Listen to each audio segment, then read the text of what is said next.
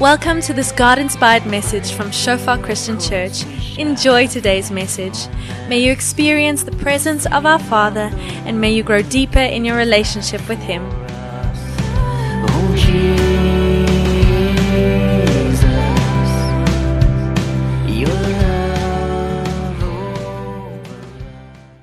Okay, ons gaan vanoggend aan met die hart van vrygewigheid en die evangelie.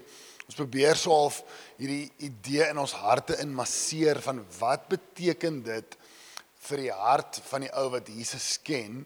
Hoe hoe verskil 'n ou se hart met betrekking tot vrygewigheid wanneer jy redding ontvang? Wat gebeur in 'n in 'n persoon se hart? En ek het dit laasweek ook gesê en ek sal lekker stadig begin en so vinnig opvang met wat laasweek gebeur het.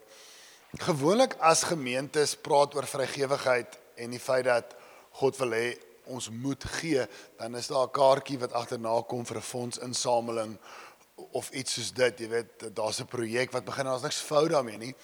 Al wat ek wil sê van die begin af is daar is nie so 'n kaartjie hierso vanoggend hier. Ehm um, ons besluit nie om een of ander gebou te bou nie, dit is nie op die planne nie. Al hoekom ons hierdie doen is is hierdie is baie belangrik vir ons gemeente wat 'n hart wat 'n hartsposisie aanbetref wat ons hierdie verstaan as disippels wat dit beteken om 'n vrygewige hart te hê. Okay.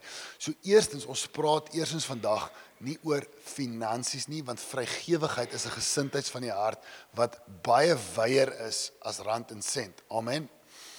Ehm um, maar ons moet daaroor gesels. Ek dink wat belangrik is is hoe ons dit doen en ons gaan fokus op die hart. Die hart van vrygewigheid. Dit is baie belangrik want jou verlossing is gebou op die vrygewigheid van God.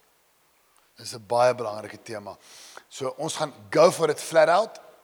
Ek wil ehm um, gister, ag gister die laas week, dit voel soos gister se se skrifte ons weer deurlees, vinnig terugverwys en wat ek wil doen is ek wil amper na dieselfde speel kyk maar van 'n ander van 'n ander hoek af.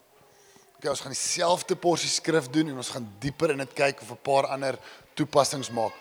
Net hierdie ongelooflike um quote van John Piper ek het dit laasweek ook gelees. Hy sê so the way you worship with your money and your possessions is to get them and use them and lose them in a way that shows how much you treasure God, not money. Okay. En ek dink van die begin af moet ons dit sê dat van God se profete of van God se die die vaders van ons geloof in die Ou Testament was van die mees welafste mense maar ook van die mees armste. Dit is net dit is irrelevant vir God. 'n Ou soos Johannes die Doper het baie min gehad, maar 'n uh, vader soos Abraham het baie gehad. Dit is nie die punt nie. Die punt was dat God se mense se verhouding met wat hulle gehad het was altyd anders geweest as mense wat God nie gedien het en ek dink dit is waar agter ons is ver oggend om daai hart te verstaan. As jy met my vanoggend tik net die ou langs jou en sê as jy wakker en hou jy van jelly tots op 'n pizza, vra net vir hom. Hom sê nee. Okay, kom ons lees lekker saam. Sit lekker terug, kyk na die skerm en ehm um, en lees lekker saam. Ons gaan Lukas 14 so 'n paar verse inlees.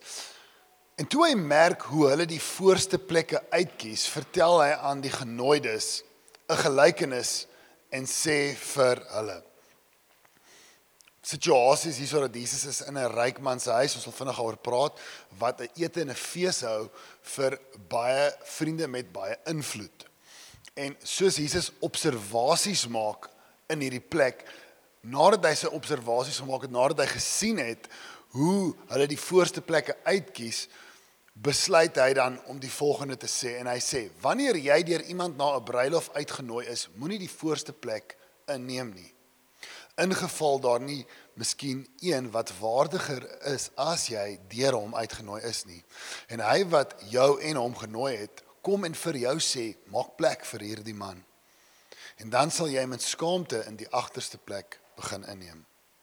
Maar wanneer jy genooi is, gaan en neem die agterste plek in sodat wanneer hy kom wat jou genooi het, hy vir jou kan sê vriend, gaan hoor op. Dan sal jy eer hê voor die wat saam met jou